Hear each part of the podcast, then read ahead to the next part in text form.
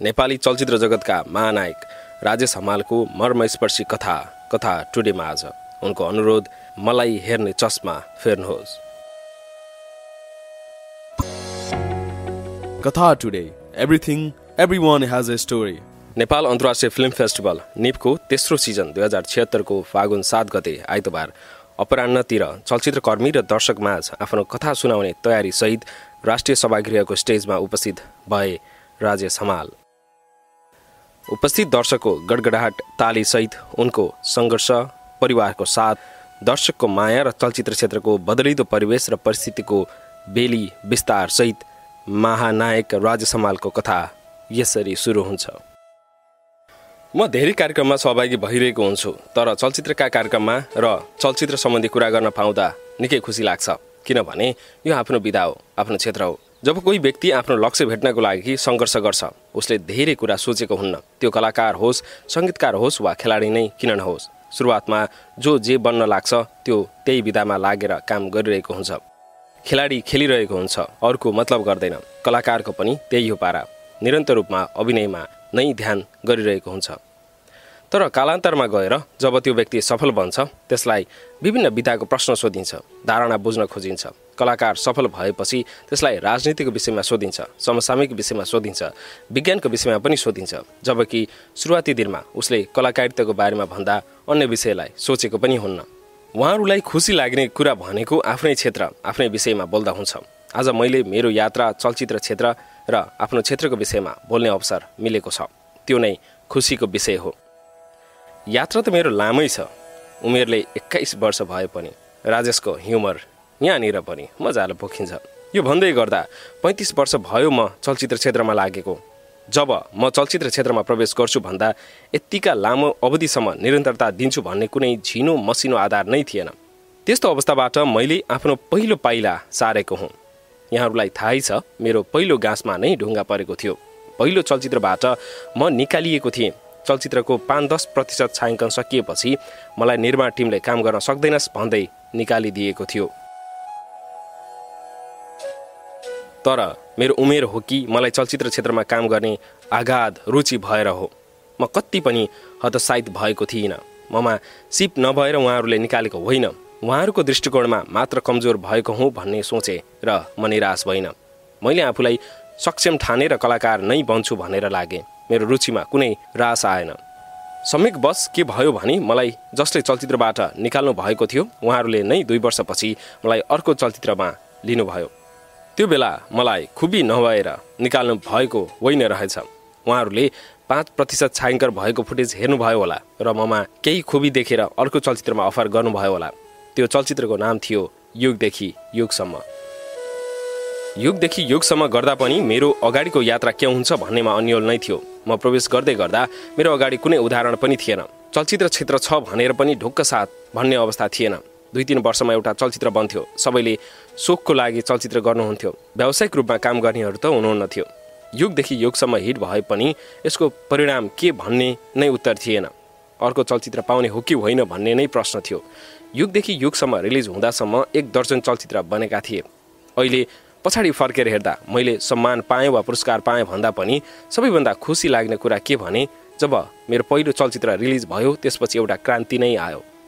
क्रान्ति यस अर्थमा कि दोस्रो चलचित्र कहाँबाट आउँछ भन्ने अवस्थामा डेब्यू गरेको थिएँ। तर त्यसको दुई वर्षपछि म दिनको बाह्र घन्टा चलचित्रमा काम गर्न सुरु गरिसकेको थिएँ। एउटै समय दुई तिनवटा चलचित्रमा काम गर्थेँ। युगदेखि युगसम्मले एउटा तरङ्ग नै पैदा गरिदिएको थियो। मैले व्यस्त भएर काम गर्ने समय छोटो थिएन। कम्तीमा पनि बाह्र वर्ष त मैले कम्तीमा चौध घन्टादेखि अठार घन्टासम्म निरन्तर काम गरेँ। एकैचोटि धेरै चलचित्रमा आबद्ध भएँ। अहिले मलाई आजको चस्मा लगाएर पुरानो विषयमा प्रश्न गर्नुहुन्छ किन धेरै चलचित्रमा काम गर्नुभयो? त्यसमा केही अन्यलता भएको हो कि भन्ने लाग्छ। पहिलाको समयलाई अहिलेको चस्मा लगाएर हेर्नुहुन्न भन्ने लाग्छ। मैले त्यो बेला धेरैभन्दा धेरै चलचित्र बनोस् भन्ने सोचेँ। धेरैभन्दा धेरै चलचित्र बने भने नै चलचित्र क्षेत्रको विकास हुन्छ र टिक्छ भन्ने लाग्यो। मलाई लिएर चलचित्र बनाउने निर्माताहरूलाई पनि हतोत्साहित गरिन। धेरै चलचित्र बन्दा धेरै व्यक्तिले काम पाउनुहुन्थ्यो। एकैचोटि चारवटा चलचित्र छायाङ्कन भयो भने प्राविधिकहरूको अभाव हुन्थ्यो। त्यसपछि सहायक छायाङ्कर पूर्ण छायाङ्कर भए मेकअप आर्टिस्ट पनि पूर्ण मेकअपमा लागे। उहाँहरूले चाँडै अवसर पाउनुभयो। धेरैले रोजगारी पाएका थिए। चलचित्रमा म एक्लै गएर काम गर्ने होइन। त्यहाँ त अस्सीजनासम्मको टिम बन्छ। मसँगै प्राविधिकहरूदेखि कलाकारहरूसम्मले काम पाउनुहुन्थ्यो। त्यसैले नै क्षेत्र विस्तार हुन्थ्यो। त्यसैले मैले धेरै काम गरेँ। नेपाली चलचित्रले सबैभन्दा ठुलो उपलब्धि के दियो भने मलाई आम नेपाली समुदायसँग नजिक बनाइदियो। चलचित्रमा लागेपछि सबै माझ परिचित हुने मौका पाएँ।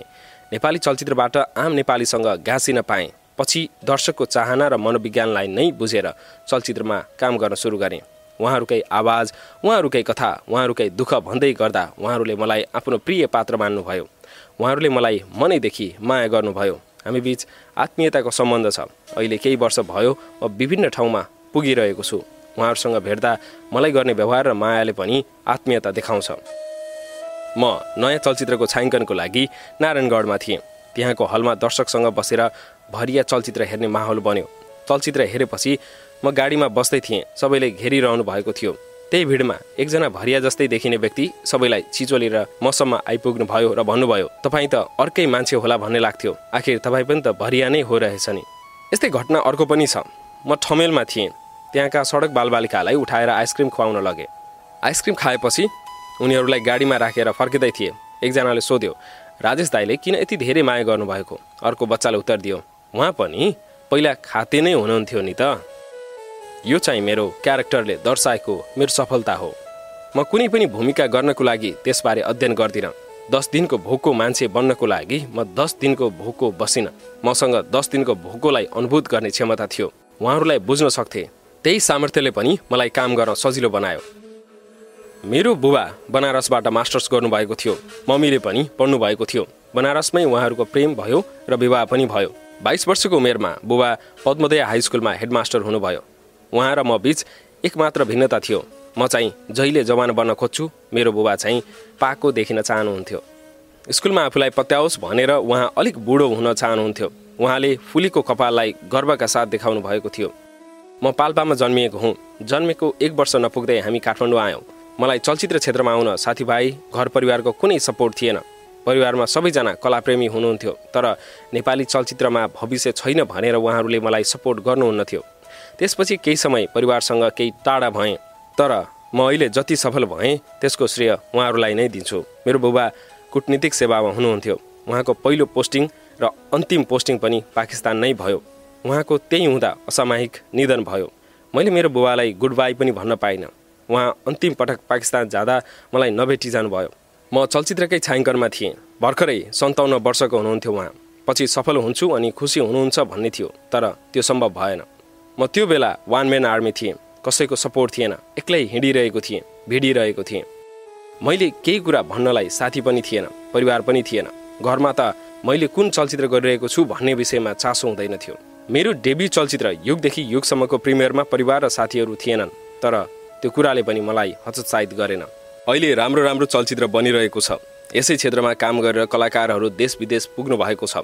स्टार कहलिएर राम्रो आम्दानी गरिरहनु भएको छ। घर खर्च चलाइरहनु भएको छ। त्यो देख्दा मलाई गर्व लाग्छ। कुनै दिन गरेको सङ्घर्षले खुसी बनाउँछ।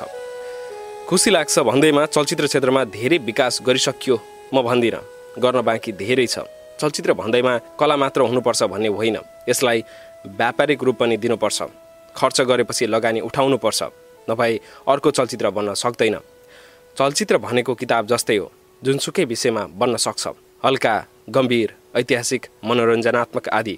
आफूले चाहेको विषयमा चलचित्र बनाउन सकिन्छ तर दर्शकलाई रुचि हुने विषयलाई प्रस्तुत गर्नुपर्छ। सिर्जनामा परिधि लगाएर काम गर्ने पनि होइन। अहिले म युवाहरूलाई के भन्छु भने तपाईँको युवा उमेरमा काम गर्न अल्छी नगर्नुहोस्।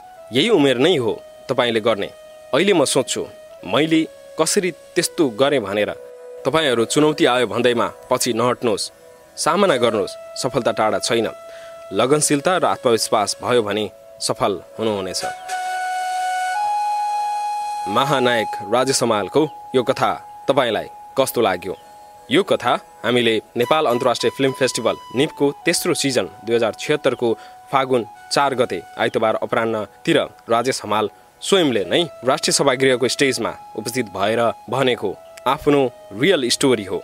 राजेश हमालको यो स्टोरी र उनको बारेमा केही भन्न अनि लेख्न मन लागेको छ तपाईँलाई भने कृपया तलको कमेन्ट बक्समा आफ्नो विचार छोड्न सक्नुहुनेछ।